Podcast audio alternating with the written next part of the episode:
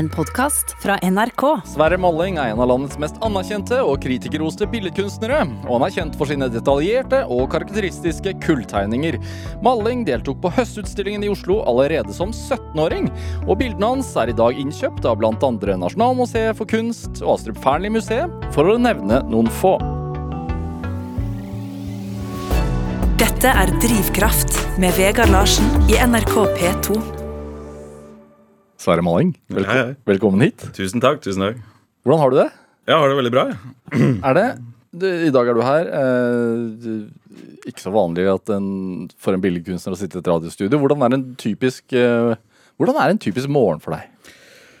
Eh, En typisk morgen for meg det er jo å stå opp en eller annen gang på formiddagen og eh, sjekke mail, gå på dataen, eh, sosiale medier. ja, jeg er litt B-menneske. Men uh, nå er det jo sånn at jeg kan innrette min dag litt sånn som jeg ønsker selv. Ja. Men uh, det ligger jo litt sånn ansvar i det også, da, å ta seg selv i nakken og faktisk gjøre det man skal gjøre.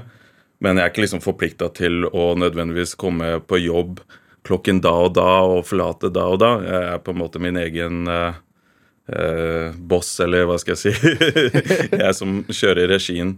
Ja. Men eh, det er ikke helt lett, det heller. Du må liksom på en måte, som jeg sier, ha litt eh, struktur. da, Finne den strukturen sjøl. Er det Er det lett å liksom tenke sånn Nei, da føler jeg meg ikke så inspirert. Ja, men det har jeg liksom eh, Det går ikke. Det nytter ikke for meg, det der. Men jeg har jo heldigvis også en veldig Jeg er veldig glad i å jobbe med det jeg driver med. Så det er ikke så vanskelig sånn sett. og At jeg har aldri Og det høres jo kanskje litt sånn kokettering ut, men jeg har aldri vært kjeda av meg. Sånn med det jeg holder på med. Nei, med, med kunsten din i det hele tatt. Altså, Nei, det har aldri nei. vært en utfordring å, å gå og lage kunst. Jo, det har det jo, men det har aldri vært sånn eh, kjedsommelighet eller at jeg eh, liksom føler at jeg stagnerer på noen Eller stagnerer at jeg, at jeg blir, som du sier, sitter hjemme og venter på en eller annen form for uh, inspirasjon eller noe eh, som skal uh, få meg opp. Men Nei, jeg, stort sett så gleder jeg meg til å komme meg til uh, Studio da. Ja. Mm. Hvor langt unna er det? Mm, det er Jeg bor Jeg bor liksom bak Solli plass Vika der. Ja. Og så har jeg atelier på Carl Berner.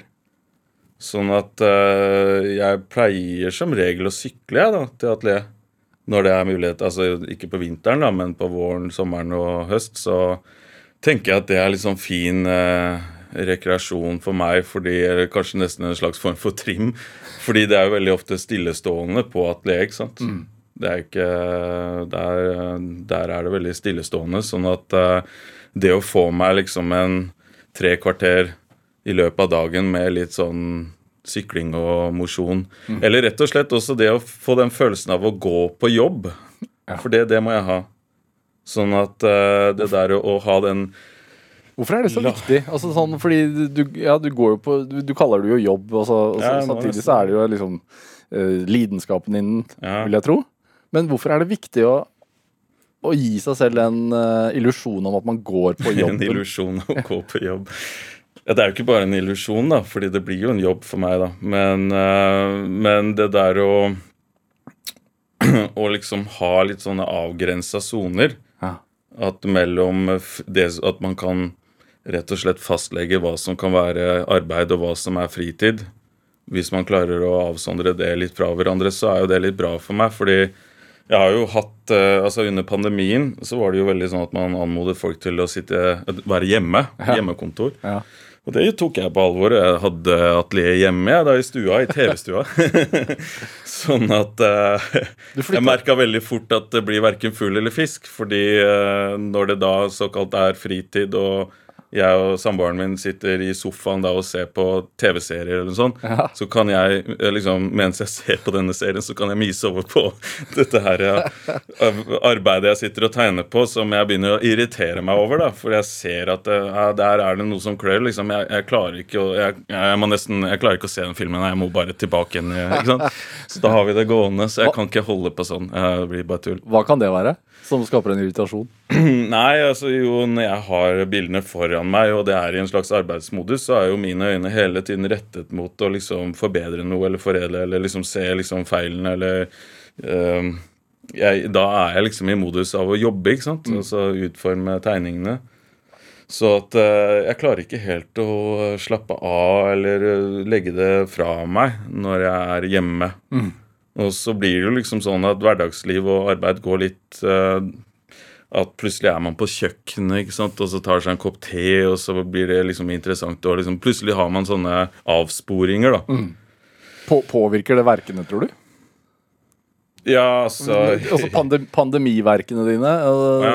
Har det, har det Nei, Jeg jobba veldig hardt uh, da, så det er bare å skjerpe seg, tenker jeg. Ja. Men, uh, men det, det er Det at Lea har nå eh, på Carl Berner, er liksom ideelt for meg. Og det å komme seg litt ut. altså det der, Den sykkelturen som jeg snakker om, det er jo også det å se på livet utenfor der. da, Og så bare sykle gjennom byen og se alle menneskene og livet rundt og sånn. At jeg føler jeg er liksom litt i kontakt med det. Hva er viktig for deg å ha uh, i, i et atelier? Altså Bortsett fra selvfølgelig arbeidsverktøyene dine. Det er jo veldig forskjellig fra kunstner til kunstner, tror jeg. Ja, Fordi Hvis man hadde sagt sånn, vis, deg, vis meg ditt atelier, så kan jeg fortelle hva slags kunstner du er. Eller ja, Er det litt sånn? ja, kanskje det er det. Jeg vet ikke helt. Ehm, Jeg har jo hatt litt sånn ulike forskjellige atelier, og det atelieret jeg har nå, er jeg veldig happy med. fordi tidligere så har jeg delt også atelier med andre kollegaer for å spare litt ned på utgiftene. Det koster jævlig mye å, eh, for å være å betale disse atelierregninger. Og det er, ikke, det er så Det er ganske manko på atelier i, i byen. Det er dyrt. Det er egentlig et ganske stort problem. Egentlig så burde det gjøres noe med det, men det er eh, Som oftest så tar man det man finner, og uh, som regel så kan ikke Det er greit å liksom uh, bespare litt på leia òg, ikke sant. Så jeg hadde da Tidligere har jeg delt litt med med andre kunstnere og sånn, men dette atelieret jeg har nå, mener jeg, der står jeg helt alene, så jeg fører et slags eierskap til det. Ja. Så det blir på en måte litt sånn som i mitt andre hjem, da. Hva, Og der trives jeg veldig godt. har da. du innreda det Jeg har litt det, da. Men jeg har liksom gjort det Nå, nå fikk jeg et nytt atelier i fjor våres eller sommer eller et eller annet sånt. Og da liksom tenkte jeg at nå gjør jeg en innsats for at dette her blir litt sånn bra, da. At jeg trives godt og har liksom alle tinga mine rundt og bøker og Gjorde litt sånn malte hele atelieret og innreda det litt. Det er ikke alltid jeg har gjort det, men nå har jeg liksom gjort det, og da syns jeg det er veldig fint, da. Mm. Jeg ve- jeg veit at du At du er en fyr som liker å omgi deg med ting. Hva, hva, hva greier samler du på? Ja, kanskje jeg er litt sånn håpløs. Um, nei, hva jeg samler på Jeg er litt sånn glad i sånne litt sånn kuriøse, rare ting, og liksom ting som er litt sånn off og litt eh, merkelig og Som for eksempel? Nei, det kan jo være gamle nostalgiske leker eller bøker eller eh, bilder jeg finner på loppiser og det ene og det andre. Eh, Det er et veldig rart samsurium av ting. Og musikk og ikke sant. Det, det er jo også en slags sånn visuell kultur som ligger inni dette her. Ja. Og eh, Så det er den derre kuriositetskammeret, da.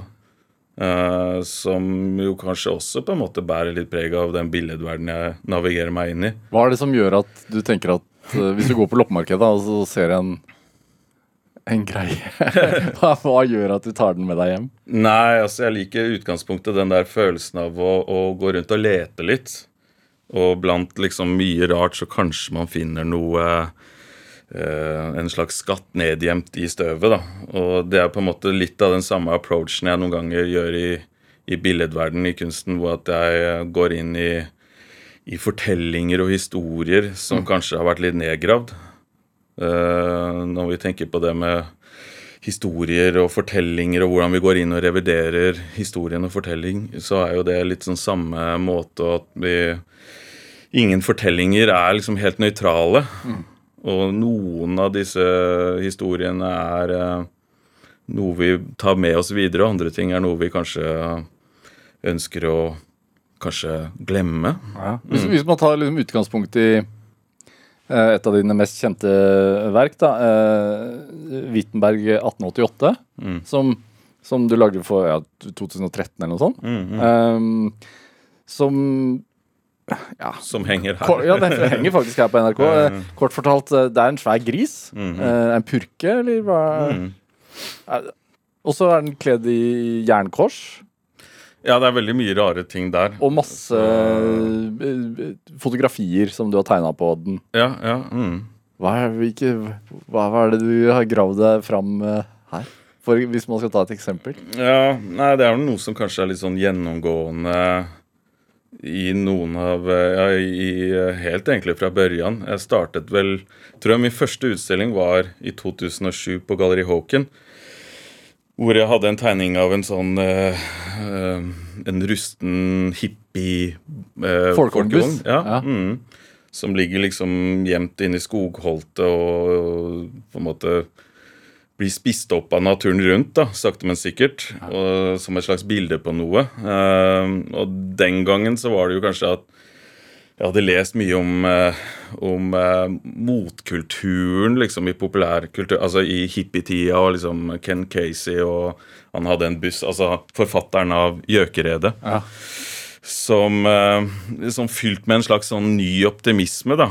Og eh, kanskje som et sånn motsvar til eh, tidligere generasjoner, at man ville fylle inn eh, Gå videre med en slags eh, nye idealer, Ja. og med en slags sånn, kanskje en sånn fremtidsoptimisme der, da. Så står den og ryster. Og er, Ja, og så er det liksom det der eh, misforholdet mellom den, de idealene, den kollektivistiske utopien nærmest, da, og det som kanskje avgrunnen og det, det forfallet, da, etter hvert. Og det, det var kanskje noe som det startet litt der, da, med det å gå inn i sånne gamle fortellinger og historier som eh, eh, Og en slags sånn sånn eh, Kanskje en vemodig klang i det hele òg, på en måte. Eh, er, du, er du ikke kanskje vemodig, men er du nostalgiker? Ja, på noen områder, men jeg er ikke sånn nostalgiker i mitt eget liv at jeg går rundt og tenker uh, At jeg hele tiden ser tilbake til at, og, sant, at man forherliger, forskjønner en eller annen tid i periode i livet. Jeg er veldig sånn usentimental der, da. Men dette er vel, ligger vel mer på en sånn uh, I det generelle, på en måte. Og, uh, og Nei, så Det er jo noe med det at går man tilbakeblikk med noen ting, så er det at man ser de valgene man foretar seg, så er et valg en måte å åpne én dør, men du, du lukker noe annet også. Slik at man kan jo gå tilbake og stille seg hvor man sto ved det valgets kvaler. at uh, Hvordan ville verden sett ut hvis man hadde mulighet til å velge annerledes? Men personlig så går ikke jeg rundt og tenker sånn. Men jeg kan gå veldig Kanskje litt sånn mer inn i den samlede fortellingen og historien om oss. Og denne nye utstillingen jeg har nå, som heter 'Lasarus og mitt lille lam', handler jo litt det der å gå inn i vår egen eh, fortelling om eh, nasjonal identitet og ta tak i nasjonale myter, da. Ja. Eh, Det startet vel egentlig med For et år tilbake så hadde jeg en utstilling på eh, Kristin Gjelgjerde-galleri i London. ja. Kristin Gjellegjerde, som for øvrig Ja, Som for øvrig var gjest her. Ja, ja, ja. Så det var et år siden. Eh, Og da, da var det jo fullstendig sånn lockdown. Det var jo pandemien og sånn på sitt eh, Sånn at eh, den utstillingen i London, den eh, jeg, Det var jo svært få som fikk sett den utstillingen. Jeg fikk ikke vært med på min egen åpning engang, for vi fikk ikke reist over. Sånn at Men den utstillingen, da tok jeg tak i Siden jeg skulle ha en, da, en utstilling i, i London, så syns jeg det var en ganske sånn interessant mulighet for meg til å prate Komme med et slags sånn kanskje forhåpentligvis et sånn interessant skråblikk utenifra inn mot en annen type kulturhistorie, da. Ja. Og jeg er jo sånn hva skal jeg si, Helt fra jeg startet opp som sånn kunststudent, så har jeg vært veldig sånn fascinert over engelsk eh, kultur- og kunsthistorie. Så det var Hvorfor det? Nei, for jeg syns det finnes så mange rare Den er så mangefasettert og sammensatt at uh, for meg så ble det en anledning å gå inn i en sånn slags uh, Prøve å løfte og trekke fram sånne ulike kulturelle fenomener der borte som har liksom kanskje vært litt sånn marginalisert bort, eller sånn uh, vært litt sånn godt glemt under rad- eh, gjemt under radaren, på en måte. Eh, forsvunnet litt bort. Og det var vel kanskje en interesse av å forsøke å løfte fram litt av de tingene som har vært eh, Kanskje ikke så Som har vært litt sånn underkommunisert, kan man Hva, kanskje si. hva trakk du fram da? Eh, det er ulike ting. Det er eh, forskjellige kunstnere, f.eks. Altså da Um, ja, igjen, eh, det er Det er jo også sånn uh, alt fra anakronistiske, sånne romantiske sånne, Blir sånne dandy-typer og, og uh, sånne merkelige, rare sånne ordener og, og, og, hva skal jeg si, sånn Kibbo Kift, for eksempel, som er en slags sånn speidebevegelse. Ok, hva, hva hvor det de kler seg i sånn, en sånn veldig merkelig samsurium mellom en sånn uh, futuristiske klær og, eh, og Uh, hva skal jeg si, nesten påvirket av dada, Ja. dadaismen og sånn. Altså, nesten sånn karnevalesk, på en Ja, måte. ja. Og mye lek i dette her òg. Samtidig som det henviser til en slags sånn hedensk eh, skikk man hadde i gamle dager før eh, kristningen. da. Mm. Så det er så mange rare ting som beveger seg litt sånn under overflaten her, som jeg tenkte at jeg hadde litt lyst til å trekke fram. Hvordan finner du disse tingene? Er det gjennom bøker og internett, eller hvordan er det? Ja, litt der, ja. Ja. Det er et sånn Hva, hva tenker du når du Altså, er det sånn Helle, helle måned, som vi sier i Serp? Er det sånn der, hva, hva er det her for noe rare greier? Ja, ja. Og jo mer merkelig, jo kanskje mer interessant. Ja. Og at hvis det er litt sånn problematisk òg, og litt sånn vanskeligstilt, så gjør det enda mer interessant. ja. Og eh, det å gå Det å gå inn i den historien Altså det å Jeg ferdigstilte den utstillingen, og så gjorde jeg da en avtale med Galleri Håken her i Oslo. At neste utstilling blir her nå. Og da hadde jeg et års tidsrom på meg til å mobilisere meg og lage en helt ny utstilling. Og da tenkte jeg at da retter jeg på en måte en slags videreføring av forrige utstilling, bare at jeg retter nok blikket litt mer mot det som er hjemlig, da. Og det som er eh, lokalt, eller det som er rett og slett nasjonale Hva, hva vi Rett og slett den eh, den norske fortellingen, da. Hva Ja, nå enn det kan være. Mm. Du er litt sånn konspirasjonsteorier, syns du det er gøy? Um, jeg syns det er fascinerende, og eh, kanskje ikke gøy. eh, fordi eh, jeg har jo tenkt at sånne rare og eksentriske aparte sånne verdensbilder har alltid vært liksom, for meg veldig interessant. Og sånne trossamfunner og ulike sånne alternative tilnærminger, approach til hva som er sant og ikke. Mm. Hvordan man på en måte brikkene faller på plass, og hvordan man danner seg en slags sånn forestilling om hvordan verden er hvordan eh, verden er eh, sammenfattet. Da. Og det, det syns jeg i utgangspunktet er veldig interessant, men så ser man også at det kanskje eh, At det finnes noen fallgruver der, da. Og at det Gjør du, gjør du, når, du når du tar det med, er det Du sier at du syns det er interessant, men er det en sånn beskrivelse av samtiden, eller gjør du narr av det, eller kommenterer du det på noe Altså, Jeg tenker det på som et slags sånn tidsbilder, da. ja. Ja. Og um... Sånn som for eksempel, da, som er sånn lett å, å beskrive på radio, også som du har et, en tegning av Titten Tei, mm, eh, som jo de fleste vet hvem er, eh, som, som holder eh, som holder Steigans lille røde i hånda. ja. Eh, hva, hva, hva tenker du Hva var tanken bak Vel, eh, jeg tenker at eh, marionettedukken? mm, mm. Barndomsfiguren?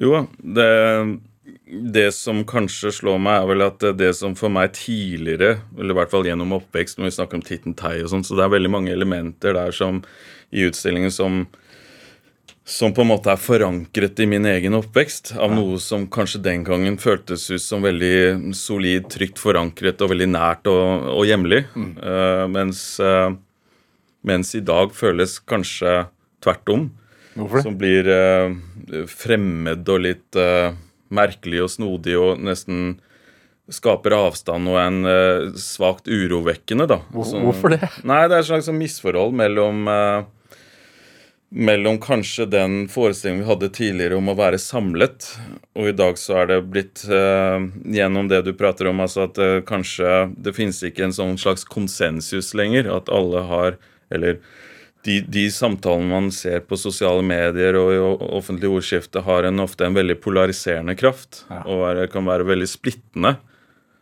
Slik at, eh, at når enhver får en, sin egen tilnærming approach til hva som er eh, sannhet og virkelighetsbilde, så har man fint lite igjen for å kunne samles rundt. da. Og så tenker jeg da på at for å liksom gå og prate om det som er nasjonale myter, så har Norge er jo på en måte på sett og vis en veldig ung nasjon. da. Eh, vi har vært underlagt Danmark og Sverige, og da vi fikk vår egen suverenitet, så har det alltid vært veldig eh, nærliggende for norsk eh, kunsthistorie og kultur å være, være en del av dette med nasjonsbygging. da. At vi på en måte kunst tjener til et formål å peke ut hvem vi skal være. Peke ut en identitet av nasjonal tilhørighet. Og prate om det med opphav og røtter og hvem vi har vært, hvem vi er nå, og hvor vi skal videre hen. Og det er kanskje litt av de tingene jeg har lyst til å problematisere i denne utstillingen. da. Og ikke nødvendigvis konkludere eller entydiggjøre eller poengtere ut noen sånn Ikke sånn som politisk kunst som skal kanskje være sånn helt instrumentell, men kanskje røre det litt ut og liksom gjøre det litt mer eh, skittent, da. Og kanskje åpne opp litt og utvide kanskje mer, utvide meningsrommet mer enn å innsnevre det. Og jeg tenker at noe av denne polariseringen har en lei tendens til å splitte opp, men også skape slags sånn type endimensjonale verdensbilder, da, som jeg syns er litt sånn litt leit. da. Uh, slik at man snakker ikke så godt sammen lenger. At det blir veldig sånn at det er en sånn følelse av å resolutt velge side og standpunkt, og liksom en slags tilslutning. At det er veldig sånn viktig, da.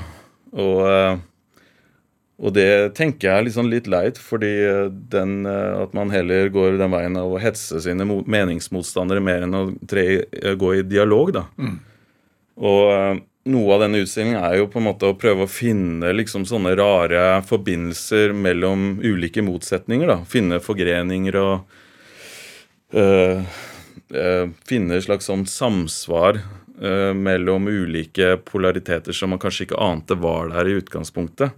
Så jeg rører det litt ut, jeg, da, på en måte. Grumser det litt til. Titten Tei som marxist. Uh, ja.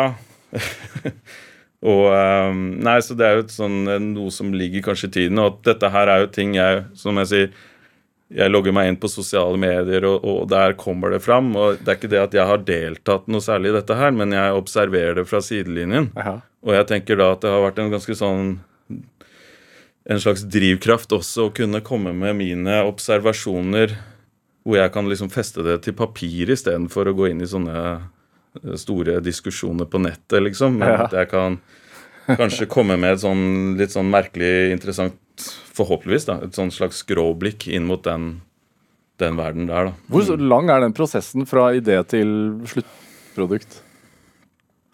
Nei, jeg syns den pågår hele tiden, ja. Ja, men for Altså deg altså. Mm. Ja, men for deg, altså sånn Fra du får en, får en idé, og, og til det er innramma. Um, nei, det er vel kanskje sånn at jeg, når jeg går i gang med å, å plassere en utstilling, hva nå dette skal kunne være, Ja. så får jeg opp en ganske mange sånn Et stort spenn, da. Spennvidde. Og eh, jo mer Jo større og mer sammensatt og mangefasettert den er, jo bedre for meg, da. Uh, sånn at jeg tror dette her er at ett motiv leder til et annet. Eh, og uh, ja, jeg syns at uh, jeg ønsker å ha en slags sånn spennvidde i motivkretsen da, i den, nye utstillingen. Men at jeg opererer litt med sånne motsetninger hele veien, da, kanskje. Ja. Mellom samhold, fellesskap og alenegang. Og det å være en slags sånn dissident, da, og motsette seg det derre Hva man kan kalle felle, Altså denne være grus i nasjons, eh, nasjonsbyggingens eh, maskineri, eller ikke sant. Ja. Altså det er at jeg ønsker å, å, å peke på ulike sånne motsetninger, men også se hva som kan være uh, Hva skal jeg si At det finnes noen uh, forbindelser der også, like, like fullt. Så mm. Dette er Drivkraft med Vegard Larsen i NRK P2. Og i dag er kunstner Sverre Malling her hos meg i Drivkraft eh, på NRK P2. Altså, du er fra uh, Skedsmokorset, Ja. Lillestrøm, Mm. ish. Romerike. Ja. eh, hva slags plass er det? Å, hva slags plass er det? Uh, det er vel vanskelig, men altså kanskje en boplass? I mangel av noe bedre ord å si. Men uh, Jeg vet at foreldrene mine, de det, altså de bosatte seg litt sånn De hadde eh, jobb i byen, i Oslo, men uh, liksom sånn rent økonomisk var det liksom kanskje litt rimeligere å bo litt i utkanten, da. Og uh, kunne ha kort vei til jobben, men samtidig den gangen føles, følelsen av å bo litt landlig. Vokste du opp i et uh, enebolig eller rekkehus? Er Eller? rekkehus, ja. Ja. Side om side med den motorveien som går fra Oslo til hva skal jeg si, Lillehammer, Gardermoen. Ja. Så um, Hvordan er det å bo ved en motorvei? Um, det er en del støy. Eh, sånn at vi hadde rekkehuset, og så hadde vi et slags sånn lite skogholt som på en måte holdt av motorveien og rekkehuset litt sånn avsondret fra hverandre. Ja. Og jeg husker det at eh, Altså, min mor kommer fra Lofoten, okay. så vi av og til hadde besøk eh, av tante og onkler og sånn fra, fra Lofoten og sånn, så da De hadde liksom problemer med å sove om natta fordi du syntes den støyen fra motorveien var så veldig sånn Så husker jeg da at uh, min mor fortalte da tante at hvis du innbiller deg at det er havet, suset fra havet, så, så sovner du med en gang. det, det fungerte veldig bra. Sånn at uh, Jeg kan huske selv at de øyeblikkene hvor jeg hadde litt sånn vanskeligheter, var hvis jeg våkna midt om natta. Så kunne jeg høre at det ikke var noen biler, rett og slett. Og det var litt sånn merkelig. Men da kunne man høre en sånn på lang, lang avstand at det kommer en bil liksom sånn fra Kløfta. En enslig bil, og så hører du den kommer nærmere, nærmere, nærmere, og så voff, forbi. Ja. Ja, og Det var liksom en merkelig eh, opplevelse. Så, men det var jo en liten sånn eh, vegg der som gjorde at vi barna ikke kom over på motorveien, da, riktignok. Hvordan var det skogholtet? Ja, jeg vil ikke kalle det sånn skog, sånn eh, friluftsliv som vi prater om, altså sånn rekreasjon ute i, i, i, norsk natur. Det var vel mer et sånn drabantbykrøtt, da. Ja. Men i seg selv ganske interessant. Fordi det er jo liksom litt stedet hvor eh, man finner og oppdager ting. Når vi prater om det å gå på en sånn oppdagelseferd. Ja, altså, finne, Du ja. nevner den folkevognbussen som, Ja, ja, ja. som var et av de Mm. første tegningene dine. Også sånn, eller som du fikk mye oppmerksomhet for. da, og Mm. det, Før i tida så sto det jo ofte gamle biler og rusta i Det gjorde det. Gjør Det er kanskje et sånn eh, På mange måter så var kanskje de første bildene der et slags sånn En eller annen sånn i viss grad en sånn slags sånn selvfortelling fra det skogholtet der, da. Ja. Fordi som barn så var vi liksom på en sånn at vi, vi gikk Altså Den gangen så var jo liksom Man forholder seg kun til det stedet man man har rundt det. Man kan ikke velge noe særlig, så det området der blir liksom den eneste det er jo lille verden du har. Og den føles ikke liten heller, den blir på en måte det eneste, og den blir sånn utvider seg. Ja. Det er veldig rart når jeg kommer tilbake i dag, så føles det så lite, men da jeg var barn, så var det liksom så stort. Ja. Så, men eh, det var jo et sted man kunne som barn liksom vandre litt rundt og finne merkelige uh, ting som voksne mennesker kaster fra seg. Og det kan jo være enten at det er eh, søppel, altså ting som eh, man opplever er ubrukelig eller ikke passer inn, eller kanskje er utgått av dato. Eller også ting man kanskje skammer seg litt over. skjønner du? Altså, det kan være en sånn bunke med pornoblader, eller det kan være spritflasker. ikke sant? Sånne ting som ikke passer litt helt inn. Så man kanskje skammer seg litt over det og pælmer det inn i, i, i skauen. Og det er jo der vi barna finner det. vet du. Så, så på en måte så er det en sånn slags initiering inn i en voksenverden som er eh, Kaninhullet i sånn Alice Ja, in ja. Wonderland-kaninhull Ja. inn i voksenverden. Ja. Magisk. At man eh, retter seg inn mot en voksenverden som er eh, kanskje ikke den den oppdragende voksenverden vi blir kursa inn aktivt av eh, foreldrene våre eller av lærerne sant, på skolen og sånn, at vi oppdager en, en, sånn, en sånn litt sånn mørk eh, voksenverden Ja. som vi aldri egentlig fikk høre helt om, men vi ante er der. Vi skjønner at den er der. Syns du den fremdeles er spennende? Ja, veldig. Ja. Da snakker vi jo liksom om noe man aktivt fortrenger litt òg, ikke sant. Altså, så Man kan jo se på det litt sånn allegorisk, at dette er et sånn slags sinnsbilde på noen ting. da. Av den fortelling og historie vi på en måte skammer oss litt over. Og vi ikke ønsker å ha helt sånn berøring med. Hvor viktig er det som kunstner, tenker du, å ha kontakt med barnet i seg selv? Altså sånn barnets liksom oppdagelsesferd og vilje til å liksom se ting litt annerledes. Ja, Du kan nesten si at det, det barnlige kan bli også en sånn slags opposisjonell kraft da, mot voksenverden. Hvis man tenker voksenverden som en sånn liksom forpliktende og ansvarsfull å innordne seg, så kan jo da det barnlige blikket være en måte å unndra seg det der, eh, den sedvanlige vanetenkningen eller A4-formatet eller det som er eh, pliktene. Så at det finnes jo også et slags utvidet rom i det å, i, i barnet, på en måte. Og det er også, ikke sant, man husker fra det som er litt sånn grensesprengende, da. Og det husker jeg første gang eh, altså, Vi hadde ikke så mye kunst hjemme uh, med bøker, eller det var, ikke, det var ikke helt naturlig sånn der jeg vokste opp, å ha det.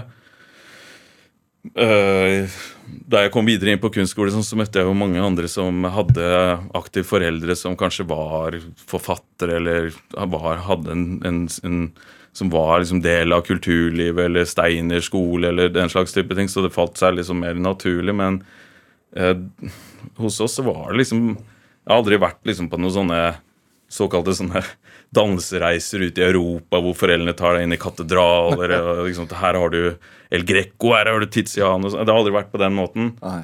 Men vi hadde en bok hjemme husker jeg, som var Theodor Kittelsen. da. Og jeg opp, opplevde vel ikke han som en kunstner, jeg tenkte på han som eventyrtegner. jeg da. Ja. Men han hadde jo dette her med det det som vi gjenkjenner som litt sånn barnets måte å tenke verden på. At du kan se en gå ut i skogen i det skogholtet og se en rot, en trestubb, og så ser du at det blir et sakte, men sikkert et ansikt av et troll, eller Trollskogen. Ja, at det er noe sånn eh, At man eh, drar noe sånn gjenkjennelige ansikt inn i dette her, da. Når du går i skogen, tenker du sånn? Uh, uh, Vær ærlig nå, Malling. både òg. Ja. du vet, jeg er liksom blitt eh, Jeg er blitt litt sånn herda kanskje til slutt, da, men eh, ja. Men ellers, eh, var det altså Du du nevner at man, man som barn så man, skjønner man ikke A4-tilværelse, eller- men var det A4 hjemme hos deg? Ja, på mange måter. Eller eh, Jeg vet, Det er jo litt så vanskelig, for jeg vet ikke hva jeg skal sammenligne det med. Nei. Men uh, min uh, Jeg vil jo tro at min mor og far var ganske streite, da. Hva drev de med, da? Uh, min far han tok militærutdanning i Bodø. Ja. Fordi det var den utdanningen man hadde den gangen som var gratis, egentlig. Så, man, eh, så han hadde ikke nok eh, penger til noe annet, så han tok seg en utdanning og ble sersjant og var i flyvåpenet og sånne ting. Og det var der han også møtte min mor i Bodø, for hun eh, jobbet på hotell. da, at Hun rengjorde hotellaket. Da var de veldig unge, da, riktignok. Så de fant hverandre der. Og så dro de til Oslo og videreutdannet seg. Altså at min mor jobbet i Direktoratet for sjømenn, og min far eh, var ingeniør, da. Så ganske streit, på en måte. Mm. Så, eh, og eh, min far var vel kanskje litt sånn streng. altså Det å være sersjant og sånn, så var det liksom veldig sånn gammeldags og stereotypisk. Brettekanter? Ja, altså han Det var ikke sånn Det var ikke noen sånn alternative måter å se verden på. Så når jeg da var tenåring og våknet opp litt sånn mentalt sett, så var det jo hele tiden sånn ønske om å utfordre mine foreldre og min far spesielt, da, rundt middagsbord og sånn. Og det ble jo veldig sånn upopulært, husker jeg. I dag snakker man om at man må få ungdommen til å våkne opp og engasjere seg og liksom Men det var ikke snakk om der. Hva sa du da? Så- Nei, altså jeg utfordret jo hele tiden sånn hva med ikke sant, klima- og utfordringsspørsmål om det, eller ressursene vi har, eller fordele likt godene vi har. Og, og da var det nei, nei, nei, det der, det der preiket der, det kan du ta med sånn eh, dine jevnaldrende gymnasiaster. Eh, I dag vil jeg spise middagen min i fred og ro. Altså, det var liksom eh, det der, Jeg tryglet jo egentlig foreldrene mine om jeg ikke kunne starte opp på form og farge, eller eller f.eks. Steinerskole. jeg hadde jo lest om dette her. og liksom, å, vær så snill, og sånn, Nei, det kommer ikke på tale om. Ikke snakk om i noe sånn derre vås. Det skal være ordentlig, liksom skal være streit og skikkelig. og Han hadde vel eh, ønske om at jeg skulle fullføre videregående. Ta meg en sånn solid allmenn studiekompetanse, og så som man sk sk- skulle som ha man skulle. Og når man da eh, blir myndig i 18 år, så kan du eh, kanskje ta noen valg på egen hånd. ikke sant? Så, eh, og det var kanskje på en måte i ettertid litt lurt, fordi som tenåring så har du litt sånn lett for å sverme At det er ikke egentlig så veldig solide valg man foretar seg, men det kan være litt sånn svermerisk anlagt. Sånn at man har en Kanskje litt sånn at de vil nok eh, se at uh, dette er ikke at det ikke er bare en sånn forbigående interesse, da. Hva sverma du for? Nei, det var jo alt som er nytt og annerledes, da. Og uh, ja. Så Og ikke sant, det var jo kanskje den tiden jeg oppdaget uh, kunst også. Altså, jeg er jo vokst opp på et gutterom med tegneserier og musikk og plater og uh, Ikke sant? Uh, du er født i 77, og 77, ja. så, mm. sånn sett så er det jo liksom VHS-generasjonen. Mm, altså 80-tallet, VHS-ens storhetstid. Absolutt. Uh, første spillmaskinene kom, også Kommandore Ja, ja. 64 også. Altså, Nettopp. det kom jo en ny sånn populærkulturell Ja. tidsånd Mm. inn på gutterommet. Og som er også veldig visuell, da. Ja. Så det der å ha beina planta ganske solid inn i en sånn populærkultur er jo kanskje mitt ståsted. Og jeg oppdaget ikke kunst før mye seinere, når jeg var liksom i slutten av tenårene. Men da var det jo kanskje for meg litt sånn lett å plassere kunsten litt inn i det terrenget jeg allerede kjente litt. ikke sant? Altså Hvis man kjente Hvis man hørte om Andy Warhol, så kunne man plassere det til Velvet Underground og Lou Reed. Og, eller ikke sant, altså Dali hadde samarbeid med Alice Cooper. og man har sånne, Det fins noen sånne steder hvor de tingene merger litt. Hvorfor, Sånn, hvorfor var du så opptatt av Kiss? Kiss er vel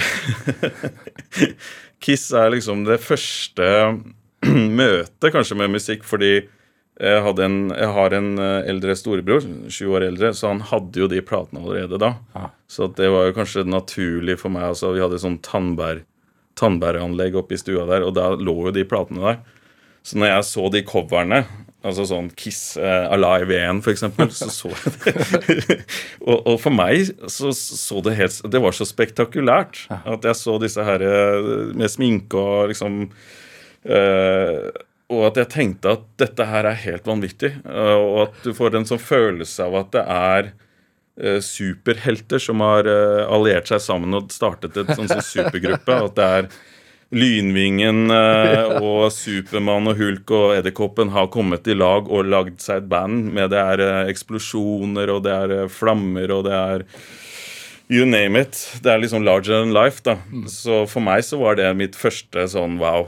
Jeg samlet Kiss-kort, og jeg hadde sånn stjerneposegodteri. Og hadde hele rommet mitt tapetsisert av sånne plakater. Ja. Så det var jo veldig eh, Jeg hadde Jeg tror nok at det var den der, også den følelsen at man eh, tredde litt sånn ut av det dagligdagse, og at de gjorde seg litt til. Altså det å kle seg ut, akkurat som eh, og eh, at det, det der at de gjemte seg litt bak sminke, eller at det var eh, At eh, de trer fram som sånne slags sånn personer, på en måte. Og at vi vet egentlig ikke så mye mer, men de er på en måte superhelter, hele gjengen. Hva med Morgan Kane? Jo, det syns jeg også. Det var mer sånn på hytta vår. Ja. Det var jo sånn som familien hadde på hytta. Så det var mer en sånn Det er også Jeg har hele samlinga i dag.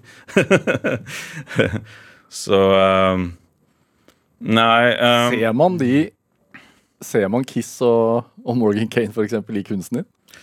Ja, kanskje. Uh, altså, jeg tenkte på det med at min sånn første møte med kunst, det var jo Salvador Dali. Som det er for mange, egentlig. Altså sånn for Ja, mange det er jo veldig, unge, fall sånn, det er veldig banalt. Liksom. Det, er, ja. det er ikke veldig sånn på, Det er ikke det mest sofistikerte, kanskje, men det er et førstevalg for en sånn eh, litt pubertal ungdom. Mm. Eh, men det som slo meg kanskje, var jo det at jeg likte det der å gjøre seg til. Fordi det foreldrene mine ville si, eller lære, alt, alle ville si at nå må du slutte, må du sånn, kutte ut, må du ikke skape deg, må du ikke gjøre deg til og sånn. Uh, mens eh, det jeg så liksom med Kiss og medalje og sånn, er jo det at uh, Gjør deg til. Skap deg, liksom. Og gjør det enda liksom Gå, gå hardt til verks. Og det syns jeg kanskje var liksom forlokkende. Nettopp det møtet med kunst var liksom det at jeg hadde en sånn slags sånn svermerisk tilnærming til at det er en måte å, å um, tre litt ut av dette her eh, det alminnelige og sedvanlige hverdagslivet og, og, og liksom se disse unntaksmenneskene, da. Ja. At det var veldig forlokkende. Og så så har jeg liksom tenkt litt etterpå om det kanskje var Kanskje det er sånn, litt sånn teit og banalt, på en måte. At eh, Jeg fikk nemlig i konfirmasjonen min så var det noen som prøvde at de ga meg da en, en sånn flott Tarzan-bok med van Gogh. Og da jeg fikk det, den boka, så syns jeg det var litt sånn kjedelig.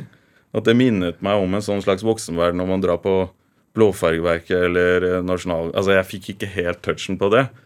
Og da var det naturlig at jeg, dro, jeg tok bussen til Tanum for å hadde med meg sånn byttekort. Og så gikk jeg da i den avdelingen, og så sant, fant jeg da Dali. Og det var liksom den kunstneren som resonnerte den gang mest med, med denne ungdommen. da. Og da jeg kom videre inn på akademiet, og sånn, så tenkte jeg at fy faen Det var jo det, det var sånn skjebnesvangert valg, fordi det avslører hvem jeg er. på en måte. Og så dum er jeg liksom at jeg tenkte at hadde jeg endelig valgt van Gogh og holdt meg til det, så kunne jeg blitt en sånn uh, Mens uh, Kunne blitt en stor kunstner, Ja, liksom, altså, sånn, sånn, som de ville, sånn som de ville at du skulle bli, på en måte. Eller Ja, og at det ikke vært en sånn alltid blir den er lettvekterne at jeg blir en sånn uh, Men noe som har litt mer substans, da. Ja. Men så har jeg tenkt det sånn Altså at den der, å være litt harry Ikke sant? At man er litt harry. Man kan ikke noe for det, liksom.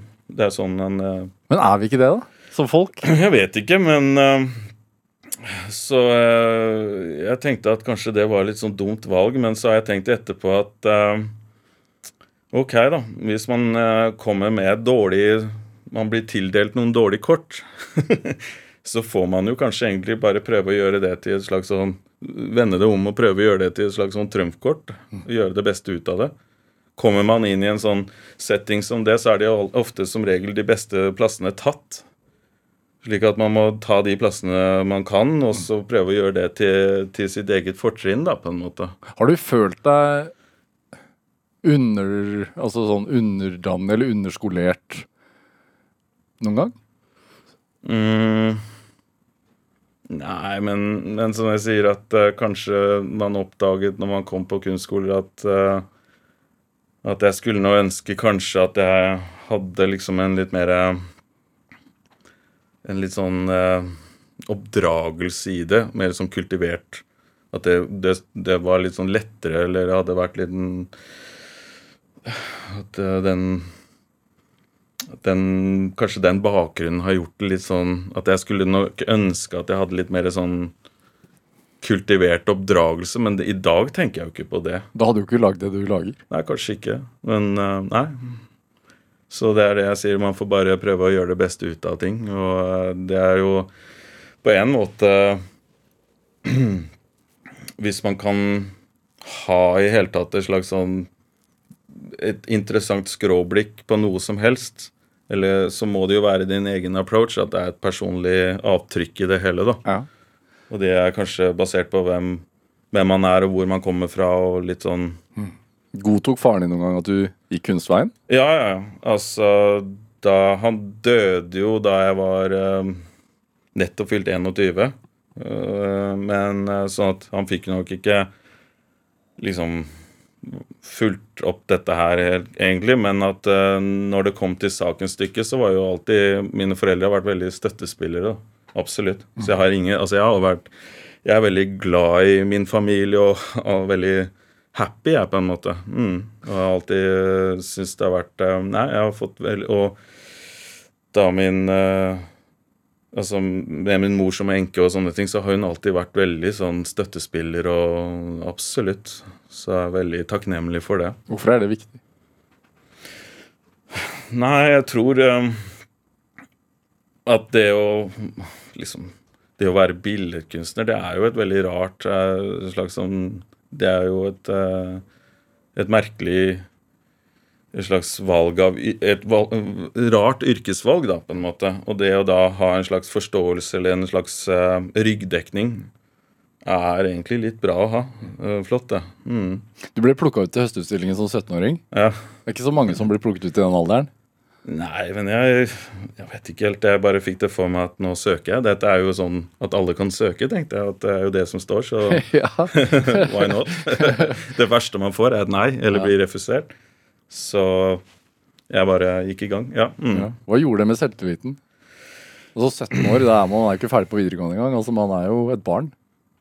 Ja, jeg tror at uh, kanskje det kan være greit å vente litt òg, ja. Og at man ikke tar sånne bråmodne Fordi det kan jo kan jo også være litt sånn hemmende og lammende også til slutt. Altså Når man da kommer videre på Kunstakademiet og sånne ting, så må man rykke tilbake til start og egentlig ikke Jeg tror ikke jeg har liksom vært noe særlig cocky på disse tingene, eller liksom at det var noe Jeg forsto at man Jeg har nå forsøkt å være åpen og mottagelig hele veien, egentlig. Ja. Mm. Så en um, kunstdokumentar av deg på, på NRK som heter 'Kunstnerliv', hvor du, hvor du prater om det at uh, da du gikk på akademiet, Kunstakademiet, så var det en av sensorene eller eh, hva det var, som, som, som, som sa vel at uh, Sverre Maling, det, det her i, i, Innenfor kunst så har du ingen fremtid.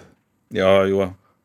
Men eh, det er nok eh, helt naturlig å, alle, å, å møte motstand. Ja. Ikke sant? Alle, jeg tror de fleste kunstnere har egentlig det som en sånn Det skjer uansett, det også.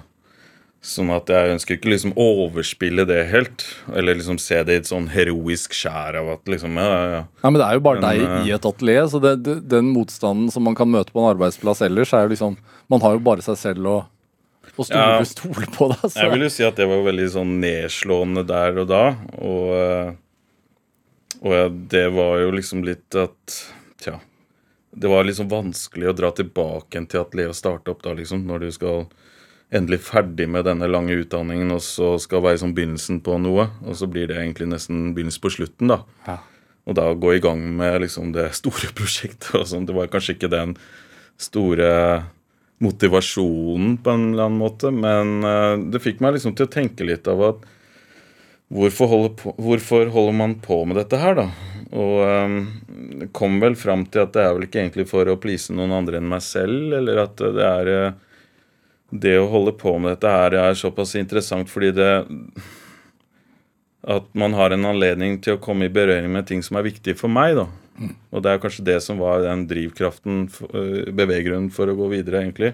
At jeg ser egentlig ikke på det som en sånn slags karriere. Fordi det er liksom forskjell med det å snakke om kunstnerskap og karriere. For karriere det innretter seg litt mer mot sånn uh, suksess og vekst og liksom alt det der. At, øh, og det syns jeg kanskje er litt sånn tvilsomt på en eller annen måte. Jeg øh, ønsker ikke å tenke på det sånn.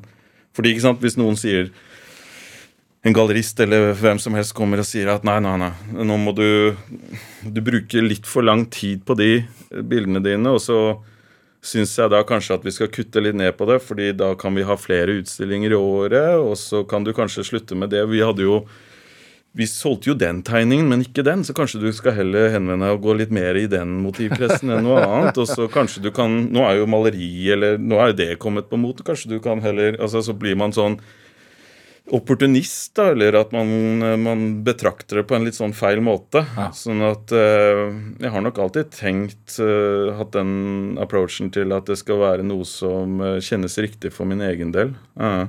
Kunne du altså heller eh, være tro mot seg selv og ikke selge, rett og slett? Ikke selge. Ja, heller være også sånn enn å gå på enn å gå på akkord mot seg selv og, lage noe som Absolutt. du vet selv. Ja, nei, jeg tror ikke liksom det å, å, å skulle selge det har aldri vært liksom helt den Det har ikke vært det som har vært drivmotoren når jeg går i gang med noen ting. Virkelig ikke. Det med å altså, du, snakket jo litt om gutterommet, og det er sånn Hvor mye satt du der og tegna? Stort sett hele tiden, egentlig, tror jeg.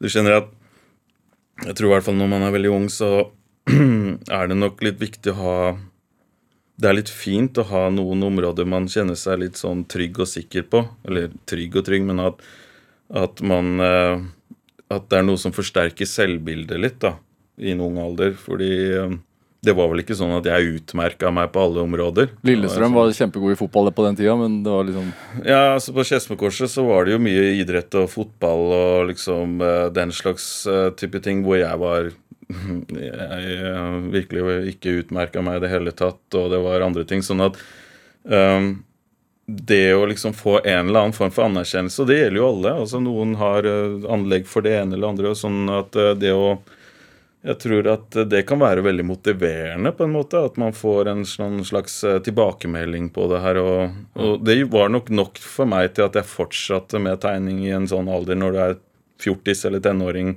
hvor de aller fleste legger det her fra seg. Fordi det sosiale kommer også inn, ikke sant. Det å møte ungdomsgjengen eller gå på sånn ikke sant? Altså, Sånn at da var nok jeg litt sånn nerdete og satt hjemme litt òg. Men ikke det. Jeg hadde mange venner og Hvem var, det som, var det som så deg, da? Som ga deg Nei, det var jo eh, Ja, det var jo kamerater, kompiser og Og eh, litt sånn naboer og sånn, sånne ting. Så um, Ja. Nei, jeg syns det var um, Jeg fikk en sånn Jeg husker liksom at jeg fikk en gitar i konfirmasjonen min nå. Og det var jo sånn, Jeg har hatt veldig interesse. Jeg har jo liksom holdt på med skateboard, jeg har hatt gitar og liksom sånne elgitar og sånn, men jeg merka veldig fort at blir nok ikke noe framtid der. Blir ikke den nyeste Jimmy Page framme her. Men tegning er det stedet hvor liksom verden åpner seg opp litt for meg, da. Mm. Gjør du det fremdeles? Hva da? Når du setter deg ned og begynner å skisse, og Mm. åpner det seg Altså, forsvinner du inn i en egen Ja, jeg tror det. Um, jeg vil ikke si at det er en eh, Jeg vil jo si også at det er en måte å fastholde et slags sånn fokuspunkt, da, fordi det å være kunstner er så, kan være litt sånn flytende. Så det å ha liksom et håndverk å forholde seg til, og det, det ligger jo også en skaperglede i dette her, da. Og tilstedeværelse. Ikke sant? Når man står og jobber på atelier. Det å komme på formiddagen på atelier og, og møte et blankt ark, og når man går fra fra jobb, så har det oppstått et motiv der og noe sånt. Så det er et liksom for meg eh, Ja, det Det syns jeg er litt sånn fascinerende, men også det å forholde seg til noe som er litt håndfast, da. Og eh, at det ikke bare er ideer som flyter ut, og at jeg, jeg personlig må ha da eh, et håndverk hvor jeg kan kalibrere ting og holde det fast. Ja, noe, Rett og slett noe håndfast å forholde seg til. Mm. Vi begynte jo den timen her å snakke om at det er, at det er jo jobben din. Mm. Du går på ikke kontoret, men på atelieret. da. Ja, ja. Hvordan gjør man at uh, lidenskapen som du også er, ikke bare blir jobb? Mm. Eh, ja, ikke sant at man stagnerer, eller liksom uh... Bevare en, en passion for det? mm, Jeg tror jo det er som stadig vekk at man ikke går fast i en slags maniert måte å gjøre det på. Ja. Men stadig liksom tenker på det som at hele tiden prøve å bevege seg i en slags ytterkant av det som er liksom de fastlagte rammene. At man stadig utfordrer seg selv, og stadig begir seg inn i noe som oppleves som et litt sånn ukjent terreng. da. Det har nok vært eh, Og det forsøker jeg hele veien, at jeg skaper nye motiver og ulike tilnærminger til innhold og tema og en slags videreføring av forrige utstilling, og at det finnes en slags sånn rød tråd eller forbindelse her, da. Mm. Lik, altså jeg vet du er glad i gamle biler. Ja, Mm. Du, har, du har noen nå? Eh, Jeg har noen gamle veteranbiler, ja. Absolutt. Eh, Jeg har en eh, Volvo P1800. eh, Den såkalte Helgen-bilen, da. Ja. eh, Som jeg nå faktisk har hatt i 17 år. Det, det begynner å bli en stund, det.